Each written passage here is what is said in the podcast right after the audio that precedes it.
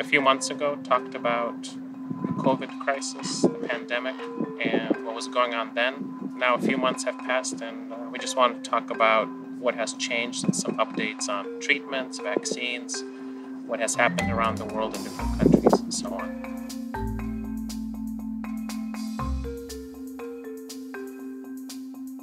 Uh, there are a lot of different vaccine candidates, but there are four different ones that have so far advanced to phase three. So when you're testing either vaccines or drug treatments, you have to pass them through three different uh, phases of uh, testing. Uh, phase one uh, tells you whether the treatment or the vaccine is safe at all, so it's only done in a few, in a small group of people. Uh, at phase two, you expand it to a few hundred uh, people and uh, you test the safety even more, and you get a little bit of information about efficacy and whether it's protective or helps the uh, patients or not, but not a ton. And then, if you're sure that it's safe, you go and you do phase three trials in a lot of people, and that's when you really find out whether the vaccine uh, is protecting people from infection or if you're testing a drug, whether it's helping the people who are already sick. So there are four candidates right now that have advanced to phase three that are uh, promising in terms of um, maybe eventually being vaccines that are going to be on the market. So there's the uh, collaboration between Pfizer and BioNTech, uh, which has advanced to phase three trials, and uh, they have shown that uh, their vaccine is providing, is triggering a strong immune response. Um, we see the same thing with the candidate from the company called Moderna. Um, same thing from the collaboration between Oxford University and AstraZeneca, and also from the fourth company, Sinovac, a Chinese vaccine company, which has also advanced its candidate to phase three. Uh, all four, like I said, have shown that uh, you can get a strong antibody and general immune response if you give people this uh, their vaccines. Um, but in reality, until we do the phase three trial where you uh, vaccinate tens of thousands of people, we will not know how uh, effective they are at protecting people. Um, the interesting thing is that usually these uh, phases take a long time, but because we're in a crisis situation, the phase one and two trials have been compacted basically into one large trial. Um, and phase three trials are being done right away as soon as phase two trials are done and prove that the vaccines are safe. Um, and the other important thing is just the logistics. Even if you have a phase three trial that shows that you have a good vaccine, you need to make literally billions of doses so that you can vaccinate a large population of everyone on Earth.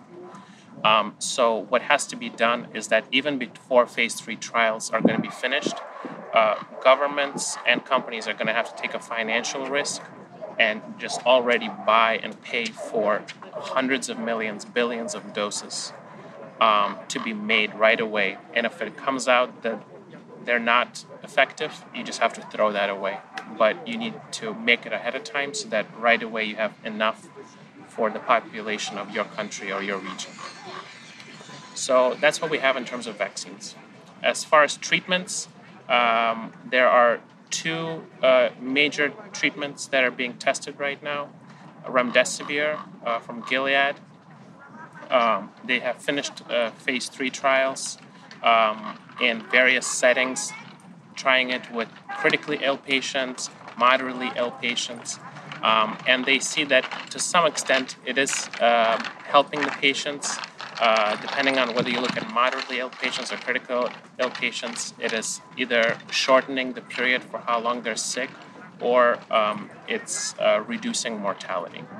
Um, and same thing we see for another drug, a steroid called dexamethasone that has already been used for other diseases. It seems to be helping really sick people who are on ventilators. And it is shortening the amount of time they're on ventilators and reducing mortality but it is not a cure. It is it's not saving 100% of the people who are sick. So it, it's not like um, we can be relaxed about it now because we have a treatment because that's not the case. Um, but generally, aside from that, also doctors are learning a lot more about how to treat these patients. Um, in the beginning, there was a lot of mortality because this disease is a little strange. It's not like other respiratory diseases uh, where um, it seems like people are experiencing oxygen shortages even if they look fine. So it took a while for doctors and hospitals to figure out how to treat these patients. And now they're, they're a lot more experienced. It seems like mortality rates are going down just based on doctors having more experience. Uh, during this whole crisis, it's been interesting to kind of observe how different countries have been dealing with the crisis. Um, how some have learned from their mistakes, some haven't learned from their mistakes, some have done well from the beginning, some have done well in the beginning and then relaxed too much and are doing poorly now. So countries, a, a country that, for example, is a great example of how to do it and how to deal with a crisis is Taiwan. I mean, Taiwan has a lot of travel with China, so you would think that they would be one of the first hotspots. They have about 24 million people one of the most densely populated countries in the world, and in total they've had only 500 cases. Um, so how can that be? Well, first of all, they have a great healthcare system. They have great leadership um, that the people trust. That's very important. That when the leader comes out and says everyone has to wear masks, whatever, people actually trust her or him and do that. Um, and um, also a culture that is uh, maybe went through a crisis like that before, or a culture that uh, follows recommendations of the government. So that has to do with trust again, but also the local culture.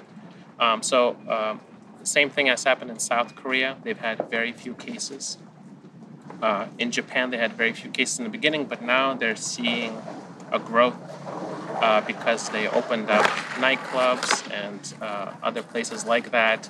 And I guess people are tired of the quarantine and the government doesn't want to upset the people. So it also requires a strong leadership at a national level that is willing to do things that are not going to make the people happy. Um, and another thing that's also important is this concept of contact tracing because people are going to get sick.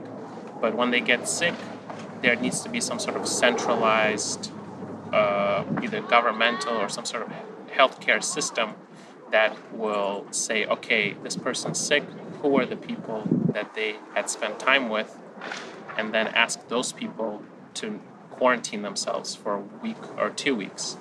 So that requires infrastructure, um, and it requires that people actually follow those recommendations, um, which has been very hard to do in the West, it looks like. I mean, America is a really big example of how not to do it, uh, both because we have a really bad national leadership right now um, that is either ignorant of what's happening or is prioritizing self interests over the people's lives. Um, and at the same time, a very decentralized healthcare system um, that uh, has historically uh, disadvantaged poor communities and minority communities. That's nothing new, but this crisis is really highlighting that problem. Um, and uh, and also a culture in the West of people really prioritizing their freedoms and liberties, um, even at the cost of the community, or even it seems like at a cost to themselves, uh, which is hard to understand, but that, that's just a cultural difference of how people are used to living here. I mean, even today, uh, there were reports of big protests in Berlin uh, because in Germany, they have been doing relatively well compared to other European countries, um, but they're still uh, keeping restrictions in place rationally, I think, to make sure that problems that are happening right now in Spain are not going to sp- spread to Germany uh, but the people are tired of it, and people in the West, like in Germany or in America and the UK, are used to having their freedoms. Um, so, you know, they protest about it and um, they want to stop those restrictions. Other examples of countries that have done poorly, uh, other than the United States, is obviously Brazil, um, Russia, the United Kingdom. Um, in all those cases, you have leadership um, that again is either ignorant about the problem or is prioritizing the image of the country or the image of the administration um, over the people's health, unfortunately. Uh, I mean, we saw that very clearly in uh, in Brazil. I mean, still we're seeing that where uh, the president, the leader of Brazil, Bolsonaro, is um, is just unwilling to take the problem seriously, and we saw that uh, in the UK as well. Um, so, just to kind of summarize, it's all a mix of having great leadership that is willing to make difficult decisions, of uh, a culture in society of following the recommendations that are rationally set by the healthcare community and the scientific community, and a healthcare system and an infrastructure to track people who get sick and to find out who they had contact with. All of that has to come together, otherwise, you're just not going to be able to control the spread of infections. Um, so there's a lot of talk in the media and uh, about first waves and second waves of infection. Uh, it's kind of a semantic difference, but uh, basically it depends on where you are, what wave you're in. In the United States, we're still in the first wave because we did such a poor job of ever managing it, so it never went down. Um, in Spain, for example, they're experiencing their second wave right now because they had a really bad situation that they got under control and now they're seeing a new spike of infections, which they will hopefully be able to control better this time because they already went through it before. In Azerbaijan, it's still the first wave because the time period when a lot of countries were experiencing their first wave, there actually weren't that many cases in Azerbaijan. Uh, either because probably as a combination of the restrictions that were in place as well as uh, less travel than some other countries. Um, but right now, we're seeing still the first wave that has come down, but there's still, uh, for, for a relatively small country like Azerbaijan, still a significant number of infections. Um, so, as the infections are tapering off, of course, there's going to be pressure to lift the restrictions on the quarantine, as well as people are understandably just kind of tired of it.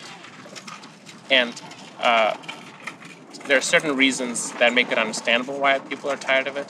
You know, people have to earn money, people have to feed their families, and if there's no governmental uh, help, then of course you're going to be tired of it and you need to go out there and earn a living. That's understandable.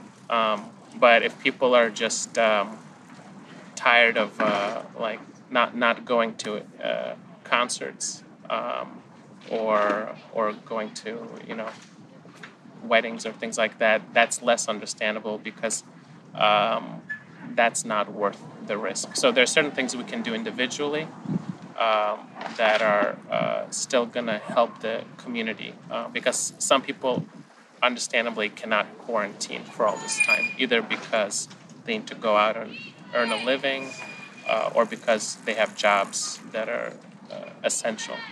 But those of us who can still stay at home as much as possible, or if you do need to go outside to, to, to, to spend time with your friends and family, doing it outside uh, where the risk of spread is much less, then it, it's, it, it's, it's important that you do that.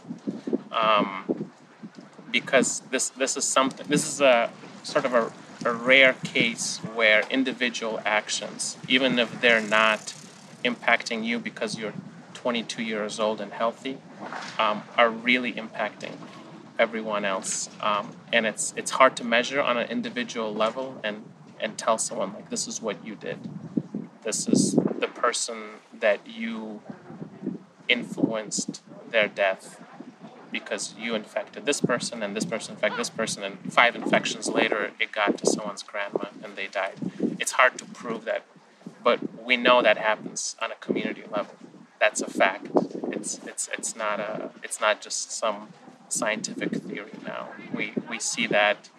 Um, I mean, in the United States, 150,000 people died. That's it's a lot of people, and a lot of that has to do again with the leadership, but a lot of that has to do just with the fact that people don't want to wear masks for some reason, and that's ridiculous.